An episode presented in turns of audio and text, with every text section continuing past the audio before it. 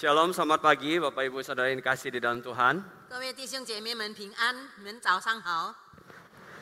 Hari ini kita memasuki minggu yang terakhir di bulan September, bulan di mana GKT Nasaret mendedikasikan sebagai bulan keluarga.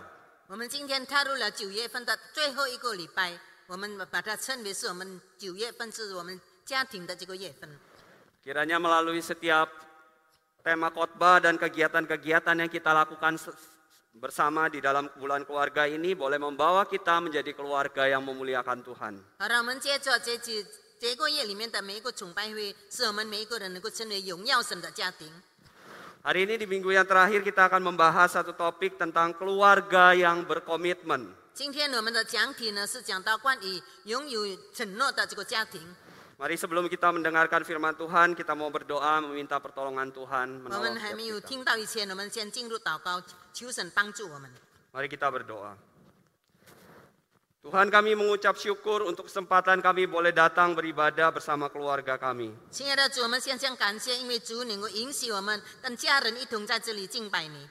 Kami mengucap syukur selama sebulan ini kami boleh secara khusus dibekali dan boleh dipimpin tentang topik-topik berkaitan dengan keluarga. 我们也感谢你，主啊，在这一个月里面，一个月里面，主你已经用你的话语带领了我们每一个人的家庭。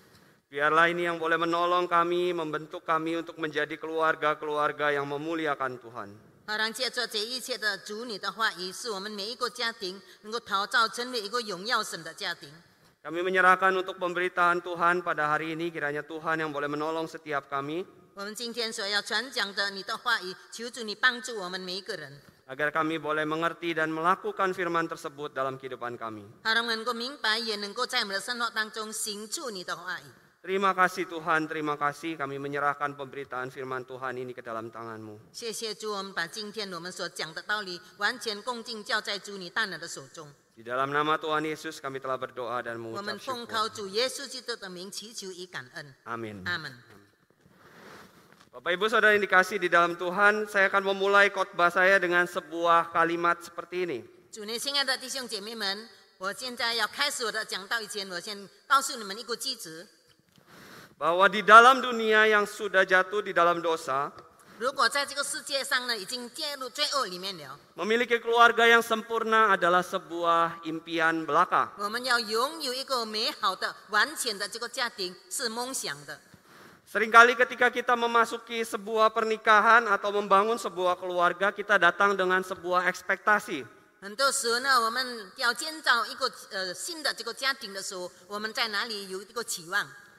Dan kita datang dengan ekspektasi kita akan membangun sebuah keluarga yang sempurna. Namun ketika kita menjalani, mulai menjalani sebagai sebuah keluarga, kita mendapati bahwa kenyataannya berbeda. 但是当我们刚刚踏入这个新的家庭的时候，我们看到现实上是不同的。 Kita harus menyadari bahwa di dunia yang sudah jatuh di dalam dosa ini, kesempurnaan di dalam keluarga menjadi hal yang tidak mungkin untuk 所以我 tercapai. 们看到这个充满罪恶的这个世界呢，一个有完美的家庭是不可能实现的。 Dua manusia yang jatuh di dalam dosa menjadi satu tidak mungkin menjadi sebuah keluarga yang sempurna. 因为有两个犯罪的人，他建 建造一个家庭合在一起，不可能成为一个完美的家庭。 Oleh karena itu benar apa yang menjadi visi dari GKT Nasaret yang kita canangkan menjadi keluarga Allah bukan yang sempurna tapi keluarga Allah yang sehat. 但是呢，所以呢，我们教会呢，呃我们要成为不是一个完美的家庭，而是成为一个健全的家庭。 GKT Nasaret mempunyai visi besar bahwa setiap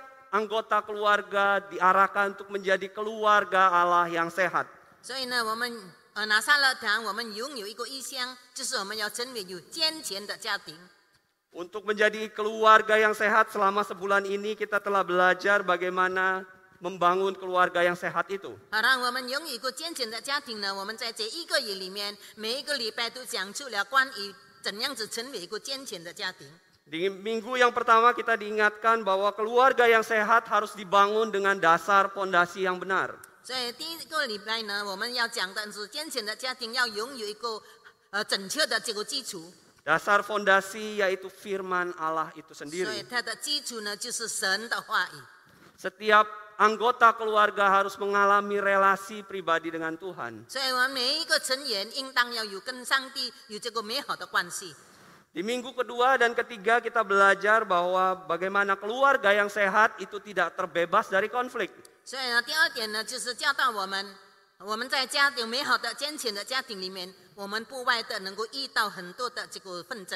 kita belajar bahwa keluarga yang sehat adalah keluarga yang mampu mengatasi konflik.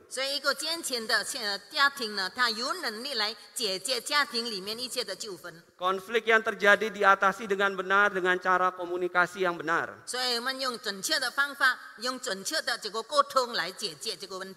Kalau Bapak Ibu ingat beberapa waktu lalu ada sebuah berita yang cukup viral tentang keluarga yang sudah 20 tahun tidak saling berbicara.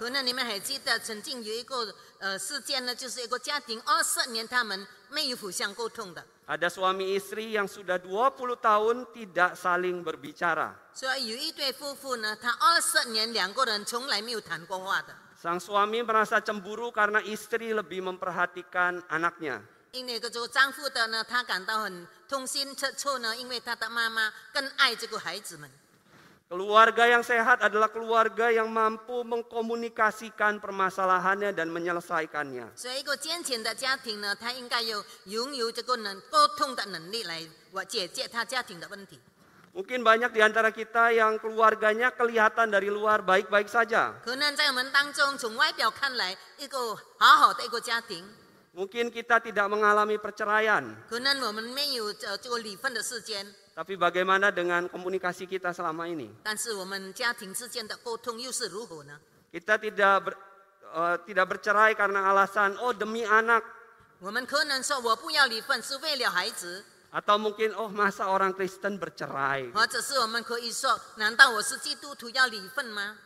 Tetapi di dalam komunikasi kita, kita memiliki komunikasi yang tidak sehat satu dengan yang lain.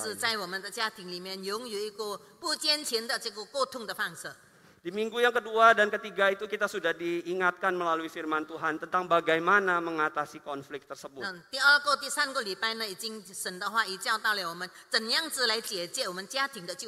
Bagi Bapak Ibu yang mau mendengarkan lagi bisa mengaksesnya di media sosial GKT Nasaret. 如果你们还是要再听的话呢，可以从我们拿撒勒堂的这个视频里面去看。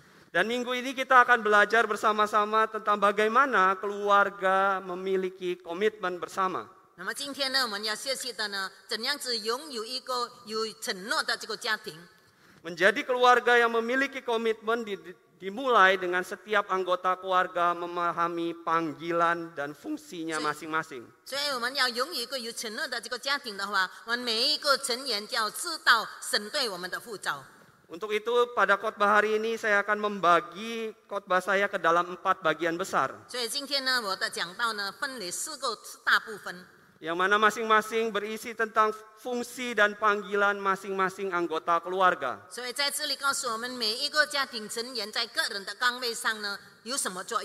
Di dalam Alkitab telah diberikan secara jelas bagaimana panggilan fungsi masing-masing anggota keluarga. Uh,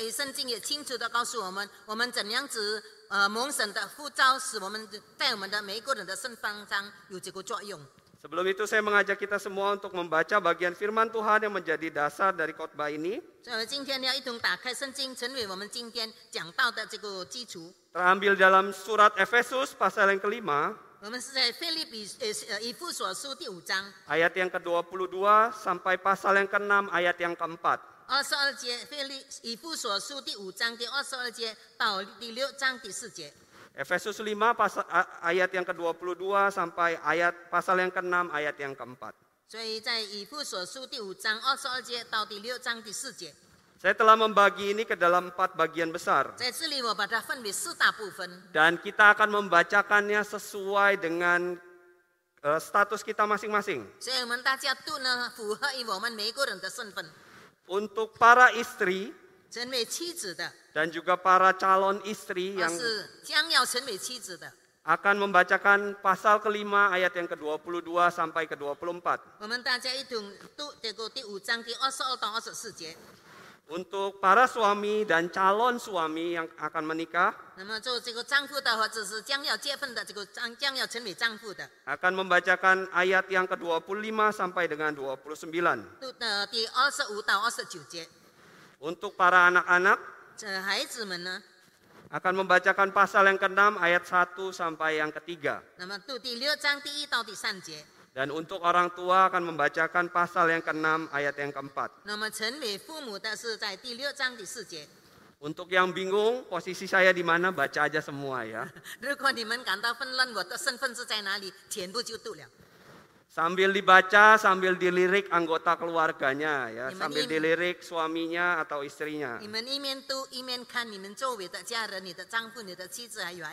Kalau yang di sampingnya bukan istrinya, jangan dilirik ya.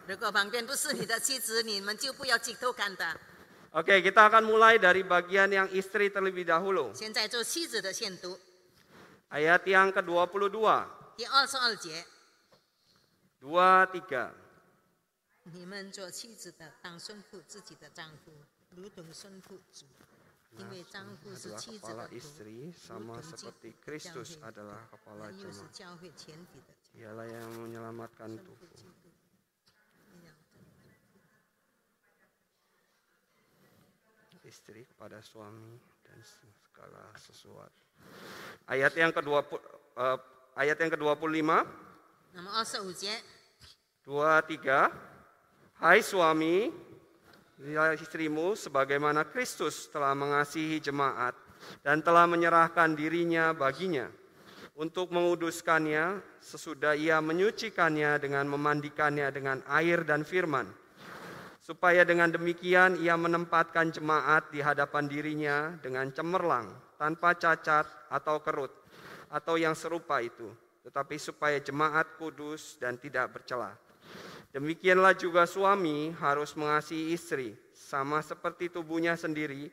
Siapa yang mengasihi istrinya, mengasihi dirinya. Sebab tidak pernah orang membenci tubuhnya sendiri, tetapi mengasuhnya dan merawatinya, sama seperti Kristus terhadap jemaat. Pasal yang keenam ayat yang pertama sampai ketiga untuk para anak-anak. Hai anak-anak, Taatilah orang tuamu di dalam Tuhan, karena haruslah demikian.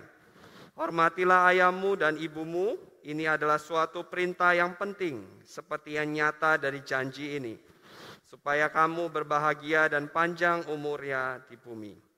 Untuk ayat yang keempat, para orang tua. Dua, tiga. Dan kamu bapak-bapak, janganlah bangkitkan aram di hati anak-anakmu, tetapi didiklah mereka dalam ajaran dan nasihat Tuhan. Demikian jauh pembacaan firman Tuhan kita, berbahagialah setiap kita yang boleh membaca dan merenungkan firman Tuhan, terutama melakukannya.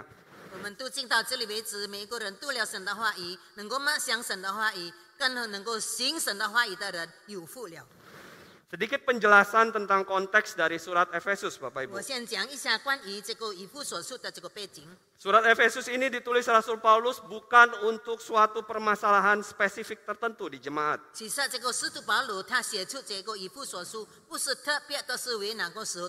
Paulus, 其实这个使徒保罗他写出这个以父所书，不是特别的是为哪个时候的会有的， Tetapi merupakan sebuah pesan penggembalaan dari seorang gembala yang pernah mendirikan dan pernah menggembalakan jemaat di 而是 Efesus. 他成为一个牧者，他怎样子来呃教导那些他的会友们。 Rasul Paulus ingin mengingatkan identitas orang percaya kepada jemaat di Efesus 使徒保罗呢，他要让这个以父所的会友知道他们自己的身份， dan pemahaman akan identitas itu dibawa dan berpengaruh terhadap kehidupan mereka sehari-hari. 所以呢，他们带着他们的身份，过着他每一天的生活。 Pesan praktis yang diberikan kepada anggota keluarga yang dituliskan dalam surat ini merupakan hal yang umum. 所以他最简单的这个指教他们的是一个很普通性的。 Para penulis surat pada masa itu seringkali meletakkan pesan-pesan praktis kepada anggota keluarga. 所以这个写诗的人呢，他特别是 呃教训那些他的会友们的家庭。 Oleh karena itu Rasul Paulus juga menggunakan cara ini untuk memberikan pesan bagaimana seorang yang Kristen hidup di dalam keluarganya. 所以呢，使徒保罗也用这样子的方法教导那些他们成为基督徒当怎样子过他们的生活。 Rasul Paulus ingin mengajarkan bahwa pengenalan akan Tuhan bukan membawa orang percaya itu untuk menentang sistem dunia atau menjauhi dunia.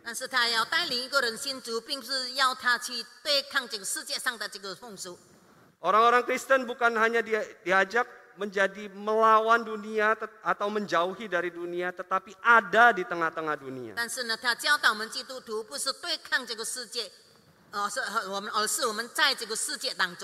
Orang Kristen diajak untuk mentransformasi dunia ini menjadi garam dan terang dunia.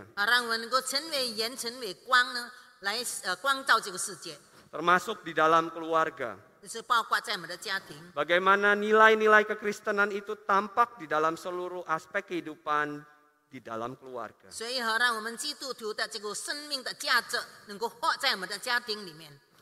Bapak Ibu kita sekarang akan melihat pesan apa saja yang disampaikan oleh Rasul Paulus kepada masing-masing anggota keluarga yang diberikan kepada setiap kita. Sekarang kita akan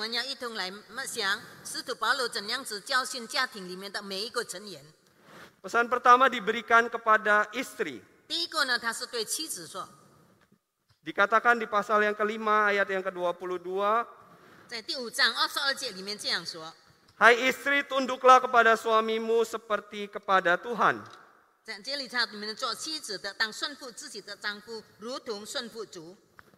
Pesan pertama ini diberikan kepada para istri untuk tunduk kepada suami. 所以这个呃，他是告诉那些做妻子的要顺服丈夫。 Ketika mendengar pesan ini mungkin banyak para istri atau Gen Z dan milenial, orang-orang muda akan protes. 可能呢，在我们当中作为妻子的或者是年轻的姐妹们，可能会呃反抗的， Ini tidak sesuai dengan eh, gerakan zaman sekarang tentang kesetaraan gender. tentang kesetaraan hak dan kewajiban dan kesempatan kepada setiap orang. yang mau disampaikan sini adalah istri tunduk ke sua, kepada suami, tidak meniadakan hak mereka dan kesempatan mereka.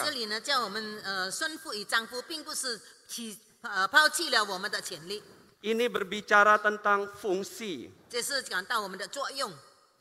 Bukan berbicara tentang natur dari istri itu sendiri. Kita harus bisa membedakan apa yang sedang diperjuangkan di sini. Untuk itu bagian ini membawa kita kepada apa yang telah Allah rancangkan ketika penciptaan.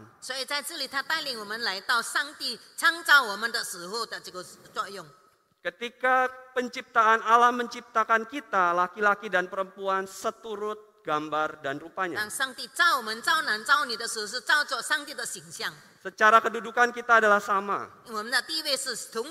Laki-laki, perempuan, suami atau istri. Tetapi dari fungsi kita memiliki perbedaan.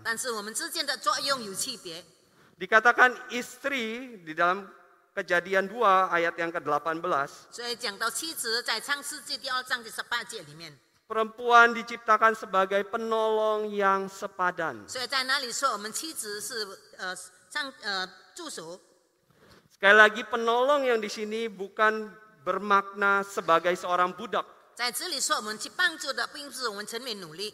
Kata penolong di sini sering kali digunakan atau muncul ketika menggambarkan Allah yang menolong umatnya. Kata penolong di sini menggambarkan suatu hal yang besar menolong yang kecil. Seperti yang muncul di dalam keluaran 18 ayat yang keempat dan juga ulangan 33 ayat yang ketujuh. Dengan kata lain, secara tersirat kita bisa melihat bahwa perempuan itu diciptakan memiliki kekuatan yang lebih. Memiliki kekuatan yang lebih, namun Tuhan tempatkan di bawah laki-laki yang di Tuhan tetapkan sebagai kepala. Sebagai seorang penolong, tentu saja perempuan memiliki kekuatan yang lebih untuk menolong. Bagaimana seorang penolong tidak bisa memiliki kekuatan yang lebih orang yang ditolongnya?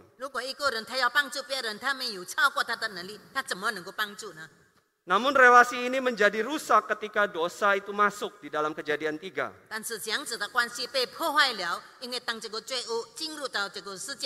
Relasi yang, relasi yang sudah Tuhan rancangkan ini menjadi relasi yang saling menginginkan satu dengan yang lain. Di kejadian pasal yang ketiga ayat yang 16. Dikatakan bahwa engkau istri akan birahi kepada suamimu dan suamimu akan menguasai atas kamu. Beberapa terjemahan Alkitab kita selama ini menerjemahkan seperti itu. Yang sering kali kita maknai secara keinginan seksual. Tetapi ketika kita mempelajari kata ini, 但是当我们真正的学习这一个句这一句话， kata birahi ini juga muncul di dalam kejadian 4. 所以他们恋慕呢是在创世纪第四章里面也有， Dalam konteks yang lebih dekat, 就是更亲靠近的这个背景， yaitu menginginkan kuasa, 就是想到这个有权柄， take control, mengambil kuasa, mengendalikan. 他是要控控制别人。 Jadi di bagian ini, ketika dosa itu masuk, perempuan dan laki-laki itu saling berebutan kuasa.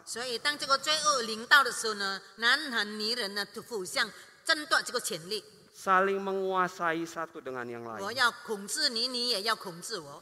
Di bagian ini, pesan ini para istri kembali diingatkan akan panggilan mereka.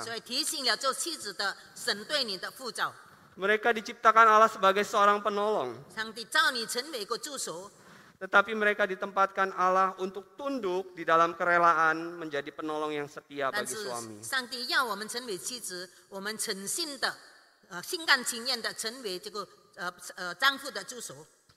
Ketika saya menjelaskan ini mungkin ada banyak istri-istri yang protes. Saya bukannya mau mengambil alih, tapi kadang suami saya itu kalau gak disuruh dia nggak jalan.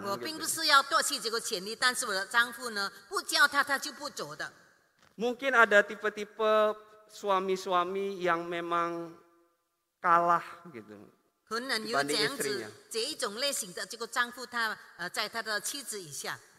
Tetapi bagian ini mengajarkan setiap kita Bapak Ibu. Bahwa memimpin itu ada berbagai cara. Di dalam metode kepemimpinan 360 derajat itu dijelaskan ada empat tipe kepemimpinan yaitu memimpin diri sendiri, memimpin yang ada di bawah kita, memimpin yang ada sesama kita, dan juga memimpin yang ada di atas kita, leading up. Seorang istri dipanggil untuk menjadi penolong bukan menggantikan peran dari suami. 说这个妻子成为这个丈夫的助手，而不是代替了丈夫的这个呃这位。 Seringkali kasus yang seringkali saya temui adalah istri yang lebih dominan menggantikan peran daripada suami. 但是有很多的这个妻子呢，我看到在家庭里面，她成为一个喧宾夺主的人。 Hal ini tentu saja bisa karena banyak hal. 因在这里呢，因为有很多的原因， Tetapi kita diingatkan kembali para istri-istri, para calon istri bahwa kita dipanggil untuk tunduk di dalam kerelaan menjadi penolong yang 但是 setia. 今天神的话也提醒我们每一个做妻子的，我们的身份呢，我们的这边呢，就是要在顺服与丈夫。 Ketika saya merenungkan bagian ini, saya berefleksi dengan kehidupan saya eh, di dalam keluarga. 当我们想这一节经文的时候，我呃想到在我的家庭里面， Beberapa waktu belakangan ini saya banyak dapat kesempatan untuk bertemu dan ngobrol-ngobrol dengan tamu-tamu dari uh, asing, dari luar negeri.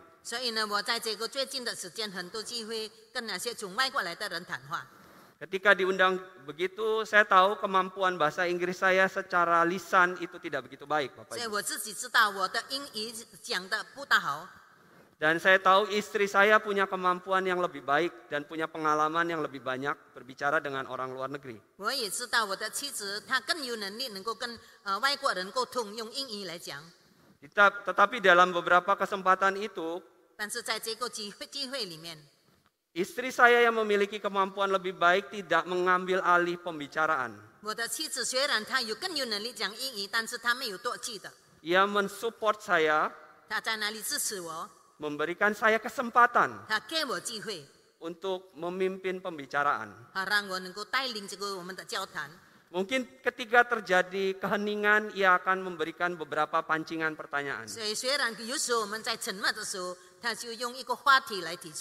Setelah itu dia kemudian mengembalikan posisinya kepada saya. Setelah pembicaraan selesai, kami juga melakukan evaluasi. 当我们谈完话以后呢，我们在哪里互相在哪里讨论。 Beberapa evaluasi yang kami lakukan itu menolong saya untuk semakin lebih baik lagi. 在我们的讨论当中，帮助了我，好让我能够做得更好。 Dan peran itulah yang harus dimiliki seorang istri. 所以这样子的这个角色呢，应该要妻子所拥有的。 istri dipanggil untuk menjadi support menolong bukan menggantikan. Oh, memberikan dukungan, memberikan kesempatan kepada suami untuk memimpin. 他支持这个丈夫，给他机会，好让他能够带领。 Kita mungkin tahu ada mungkin tipe-tipe suami yang kalau kita nggak dorong-dorong dia itu nggak mau jalan gitu. 我们也知道，可能有的丈夫，如果我们没有去推动他，他就不能够走的。 Kadang jadi istri juga gregetan gitu loh. 所以 Ah, 有时候做妻子的就很到很烦了， kita ambil alih aja, 我把 kesuwen. 他夺过来太久了。 Kita tahu mungkin ada tipe-tipe suami yang 我们 seperti itu. 也知道，可能有这种丈夫， Tapi sebagai penolong kita harus memberikan kesempatan kepada dia. 但是我们成为他的帮手呢，我们要给他机会。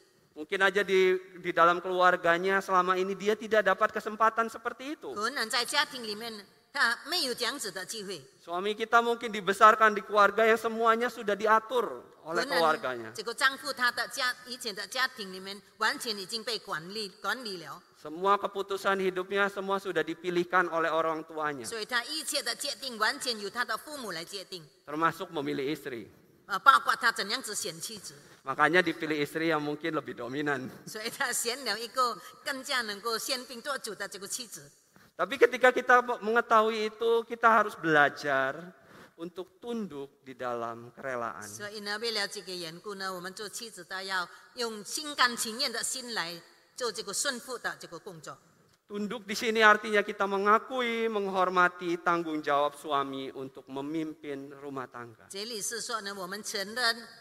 我们呃顺服于丈夫，让他来管理这个家庭， Dan itu yang harus dilakukan oleh para istri. 这就是我们做妻子当做的事情。 Sekarang pesan kepada suami. 现在是呢，对丈夫呢， Suami dipanggil sebagai kepala yang mengasihi istri. 所以丈夫呢要成为爱妻子的这个家庭的主的头。 Perintah suami sebagai kepala untuk mengasihi istri ditetapkan Allah. Allah yang menetapkan suami sebagai kepala, pria Jadi- sebagai kepala. 这个丈夫呢，他成为家庭的头是上帝所规定的。 Ketika kita kembali lagi kepada kisah kejadian, 如果我们倒回到这个创世纪的话， kita bisa melihat Allah memberikan kesempatan kepada pria untuk memberikan nama kepada para binatang. 所以呢，上帝已经允许给了这个男他所造的这个男人，他给那些动物起名字。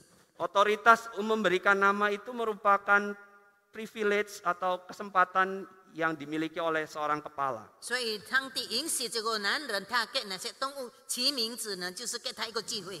Namun penafsiran bahwa suami sebagai kepala ini sering kali ditafsirkan bahwa suami adalah sumber dari segalanya.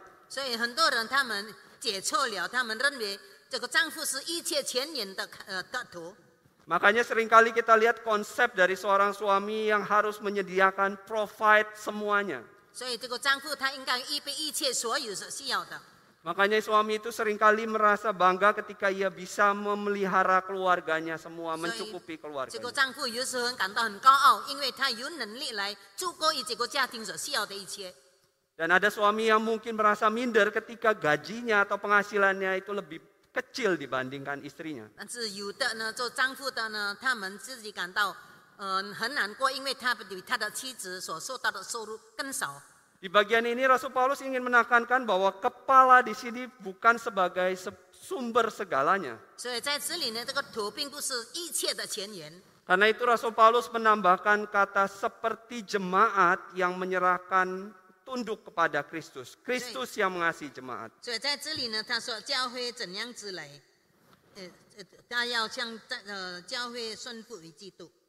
Sebagaimana jemaat yang tunduk kepada Kristus, Rasul Paulus menambahkan bagian ini untuk menekankan aspek pengorbanan Kristus. 所以在这里，呃，圣经这样子说是要讲到关于基督的这个牺牲， Aspek pengorbanan Kristus yang mati dan menyelamatkan 就 umatnya. 是基督他死而且拯救了世人。 Suami yang sebagai kepala berarti adalah suami yang peduli dan mengasihi dan siap berkorban bagi istri.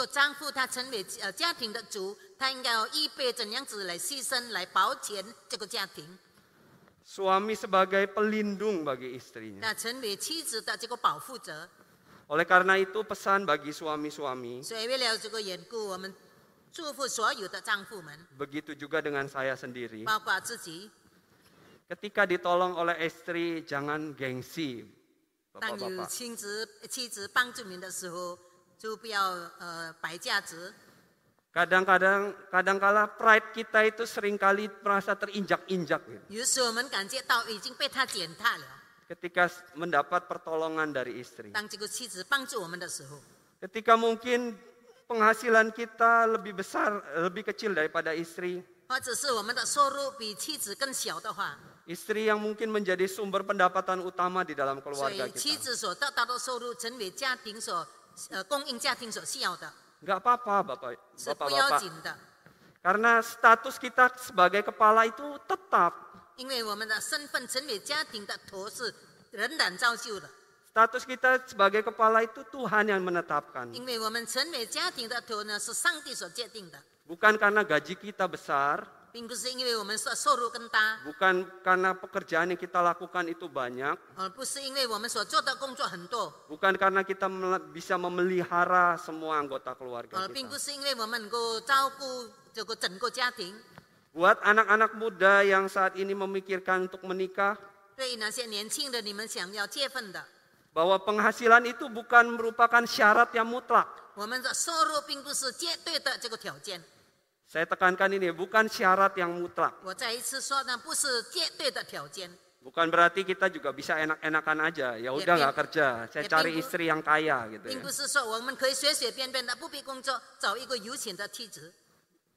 Bukan sebagai syarat yang mutlak untuk kita masuk ke dalam pernikahan. Oh,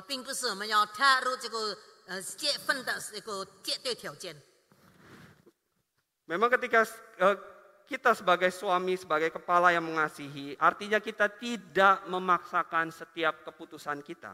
所以，我们成为头，我们爱我们的妻子，并不是说我们的决定完全是绝对要顺服的。 Suami sebagai kepala yang mengasihi adalah suami yang mau mendengar ke bawah, 一个成为爱妻子的这个丈夫，他要听这个呃在我们下面的这个妻子的说的话。 apa yang disampaikan oleh istri maupun anak-anaknya. 我们的妻子或者孩子们所说的话， Begitu juga ketika suami juga mau mendengar anak-anaknya. 同样的，这个做呃丈夫的呢，他也要聆听孩子们的呃呼喊声。 Dan ini adalah kepala yang mengasihi. 所以这一个就是成为爱这个孩子、妻子的这个头。 Ketika saya merenungkan bagian ini, saya sering kali relate dengan beberapa pengalaman dalam kehidupan saya.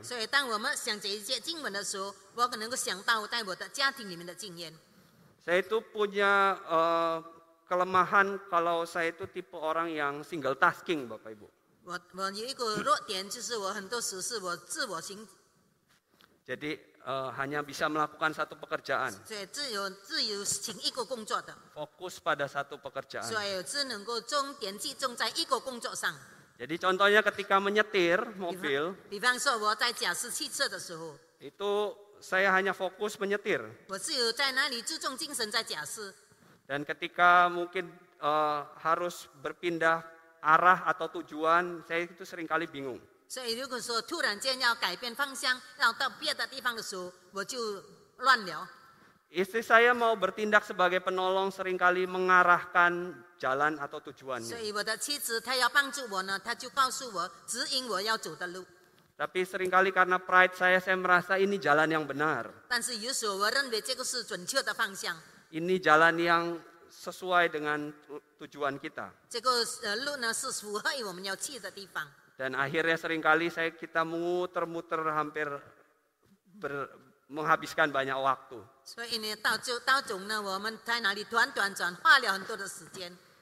Suami sebagai kepala yang mengasihi adalah suami yang tidak memaksakan kehendaknya.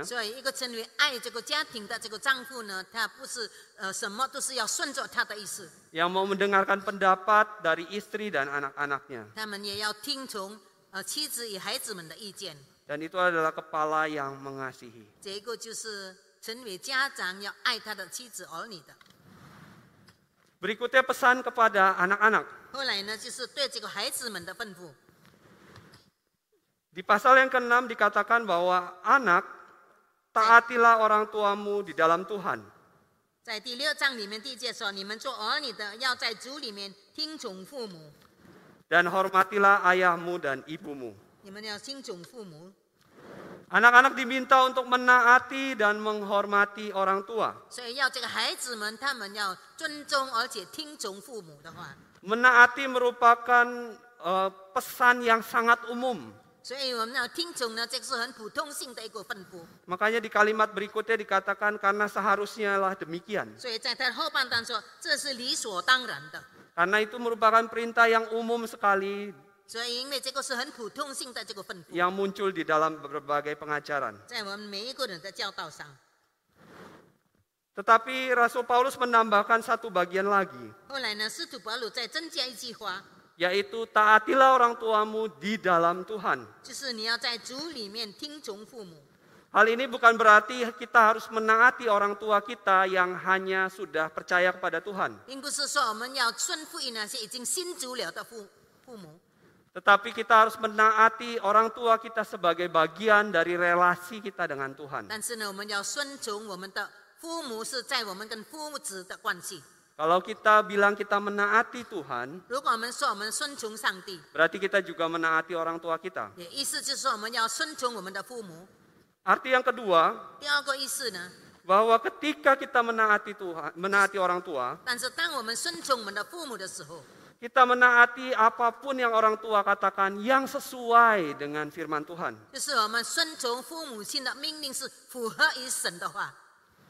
Seringkali kita tahu bahwa orang tua kita bukan orang yang sempurna.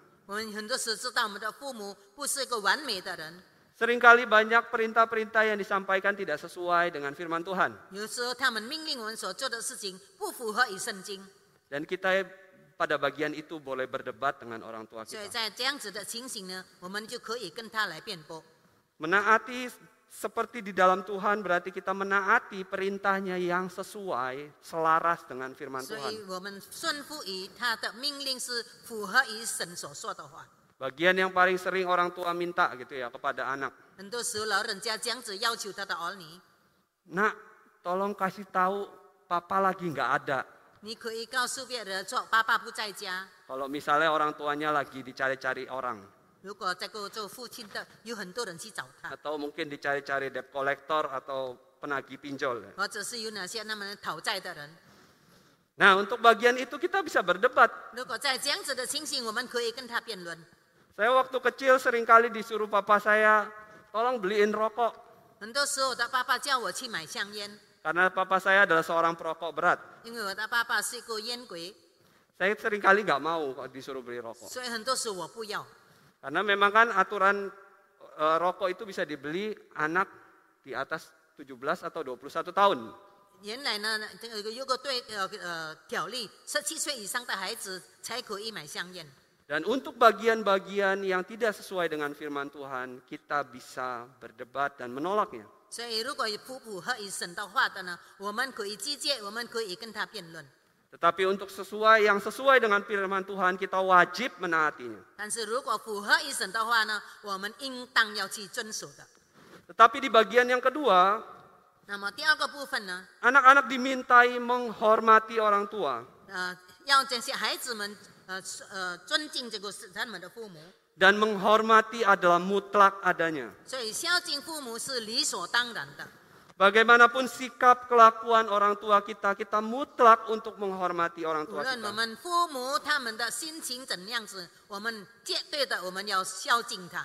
Kita tahu orang tua kita bukan orang tua yang sempurna. Ada banyak kesalahan yang sering kali dilakukan yang mengecewakan kita. Tetapi itu tidak membenarkan kita untuk tidak menghormati mereka. Ada banyak anak-anak yang selama ini merasa memiliki kepahitan dengan orang tua sehingga membenarkan dirinya untuk tidak menghormati orang tuanya.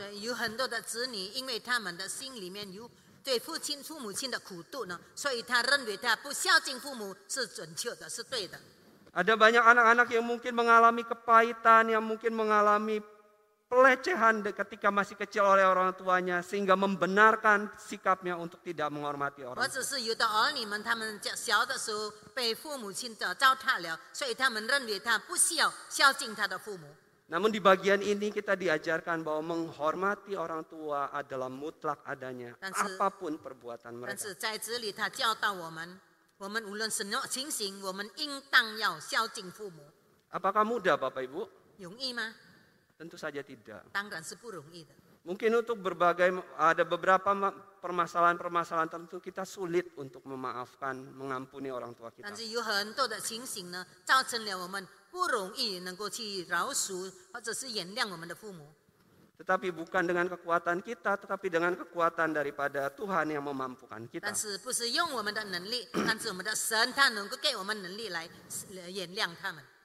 Kepahitan tidak menjadikan pembenaran bagi kita untuk tidak menghormati, tidak mempedulikan orang tua kita.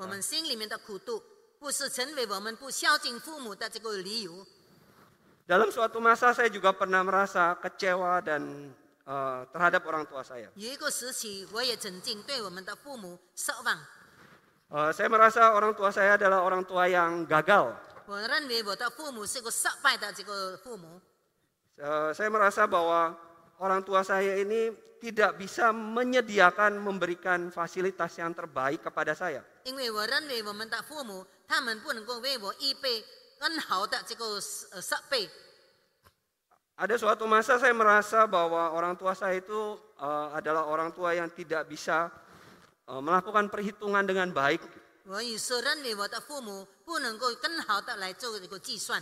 Mestinya saya bisa mendapatkan kesempatan untuk sekolah, kuliah lebih baik.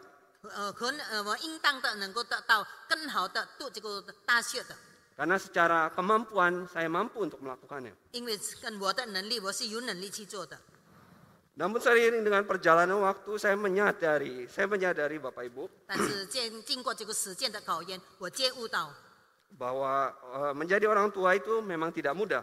本来我们成为一个家长，成为老人家不容易的， Eh, ada banyak hal yang tidak bisa kita prediksi. 有很多事情我们是预测不到的。 Sebagaimanapun kita mampu memperhitungkan, mampu mempersiapkan, kita ada banyak bagian-bagian dalam kehidupan kita yang tidak bisa kita duga. 有很多时候呢，我们有能力，我们能够去计算，我们能够去做，但是也有很多我们预测不到的事情。 oleh karena itu kita sebagai anak kita diajarkan untuk menghormati orang tua kita. Seperti Tuhan mengasihi orang yang berdosa, begitu juga kita sebagai anak-anak. Bagaimanapun pahitnya dan sukarnya.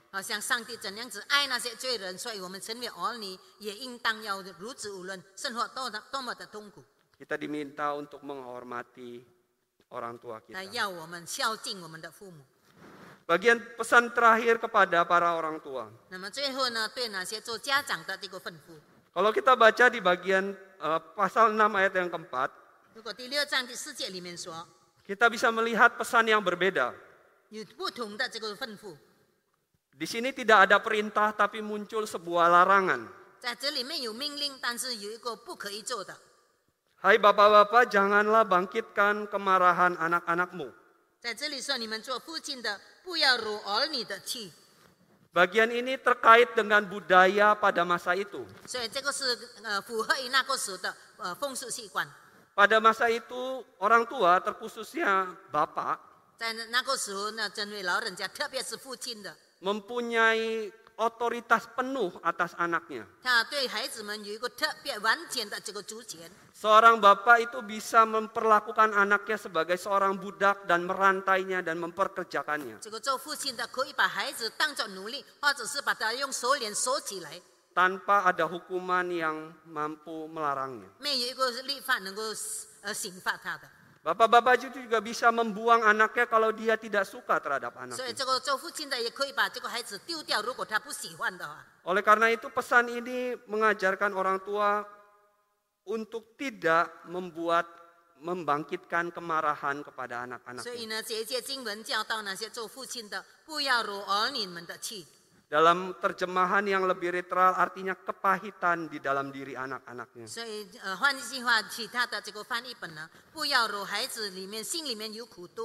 tugas sebagai orang tua adalah melatih dan mengajar mereka di dalam Tuhan.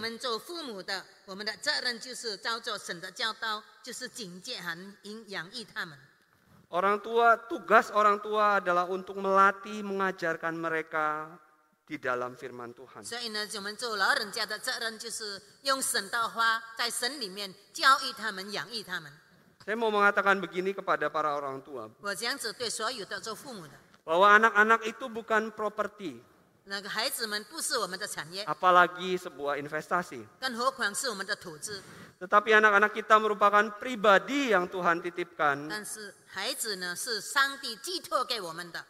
untuk diarahkan sesuai dengan rancangannya. 好让我们能够指引他们符合于上帝的计划。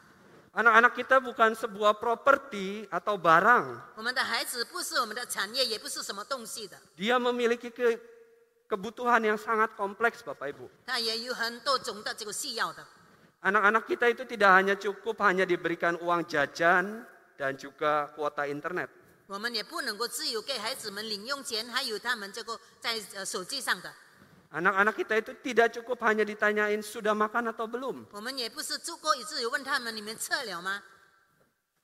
Anak-anak itu butuh waktu daripada kita. Kasih sayang daripada kita. Kalau kita perhatikan eh, film-film uh, belakangan sekitar 10 tahun belakangan ini kita bisa memperhatikan ada banyak film yang mengangkat tentang kebutuhan akan keluarga. Karena itulah isu yang terbesar uh, pada zaman ini. Kalau kita bandingkan dengan film-film mungkin 10-20 tahun lalu. Contoh-contohnya film kartun Disney. Kalau kita perhatikan film-film tema sekitar 20-30 tahun lalu lebih banyak berbicara tentang siapakah cinta sejatiku.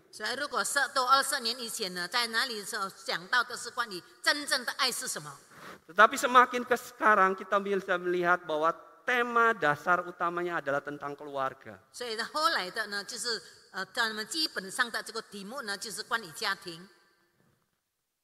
Dari film-film ini menggambarkan sebenarnya permasalahan mendasar yang sedang dibutuhkan oleh banyak orang. 所以呢，这些影片里面告诉我们，我们生活上的所有的人所需要的最基本的条件。 Banyak orang tua merasa bahwa kebutuhan semakin besar, semakin kompleks. 所以很多老人家认为我们的需要越来越广泛，越来越大。 Oh, saya harus bekerja 我应该要努力工作， sehingga tidak ada waktu bagi anak-anak. 以致我没有时间来呃跟孩子们在一起。 Oh, tetapi anak-anak kita membutuhkan waktu kita. 但是我们的孩子呢，他需要我们老人家的时间。 Anak-anak kita bukan sebuah properti apalagi investasi Bapak Ibu. 我们的孩子并不是我们的产业，也并不是我们所投资的。 Oh, seringkali banyak orang tua juga hitung-hitungan terhadap uh, apa yang sudah dia keluarkan terhadap anak-anaknya.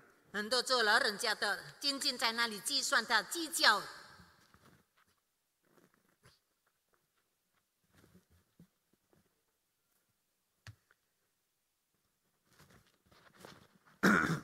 mohon maaf. Uh, tapi kita harus menyadari bahwa anak-anak kita adalah pribadi yang Tuhan titipkan untuk kita.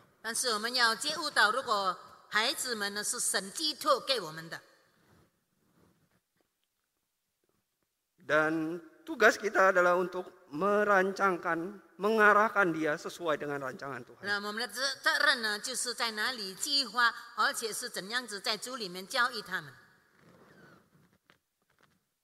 saya memberikan kalimat ini kepada para orang tua.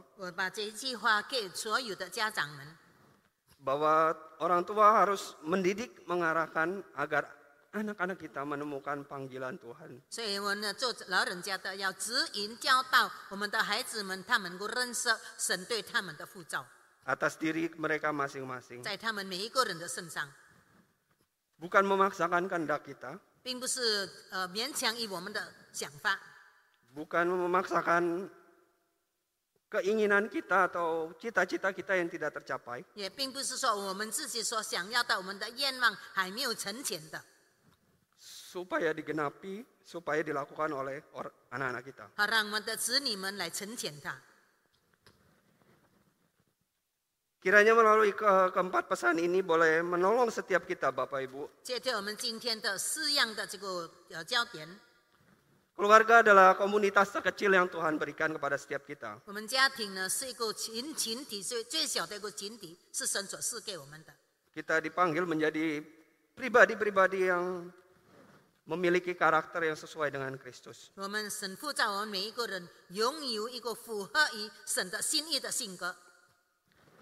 Kita telah bersama-sama melihat peran dan fungsi dari setiap anggota keluarga yang Tuhan telah tetapkan.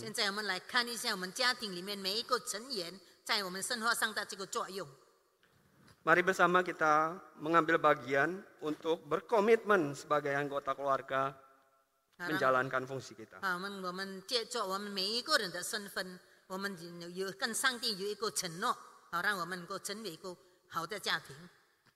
Apakah ini hal yang mudah? Tentu saja tidak. 这是很容易的吗？当然不是。 Tidak mudah kalau kita mengandalkan kekuatan kita sendiri, Bapak Ibu.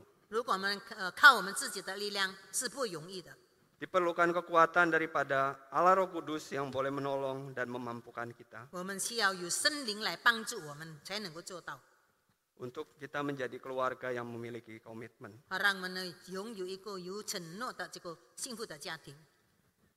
Di bagian terakhir saya mau menutup dengan sebuah kalimat seperti ini. Bahwa kerohanian seseorang bisa dilihat dari bagaimana dirinya tampil di hadapan keluarga. 一个人他的灵性的陈述呢，我们可以从他在家庭里面所显露出来的来呃来衡量。 Kerohanian seseorang tidak bisa ya- hanya kita ukur hanya dengan seberapa sering dia pelayanan di gereja, seberapa banyak dia menghabiskan waktu untuk melayani, 一个人他的灵性的陈述呢程度呢， 并不是看他有多少的时候来聚会，有多少的时候来服侍主， atau seberapa banyak persembahan yang dia 或 berikan. 者是他有奉献了多少的金钱。 Tetapi kerohanian yang sesungguhnya bisa kita lihat ketika bagaimana seseorang itu tampil apa adanya di hadapan 所 keluarga. 以我们看到这个一个人的灵性的这个陈述呢，我们可以看到他在家庭里面他所显露出来的行为。 Mari bersama kita boleh menjalankan fungsi dan panggilan kita menjadi keluarga-keluarga yang memiliki komitmen. 好，让我们大家能够符合于我们每一个人的身份，我们行我们当做的工作，好，让我们拥有一个呃有这个承诺的这个家庭。 Mari kita berdoa. 我们低头祷告，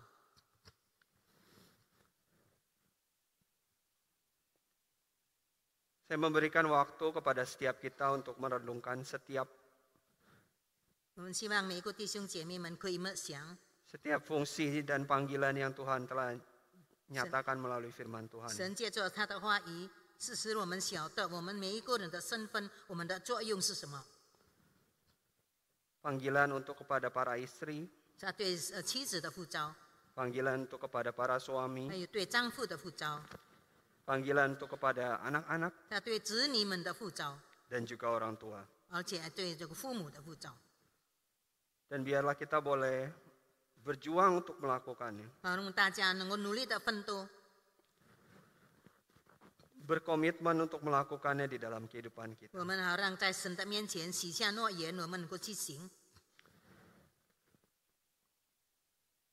Minta pendeta Meling untuk menutup di dalam doa.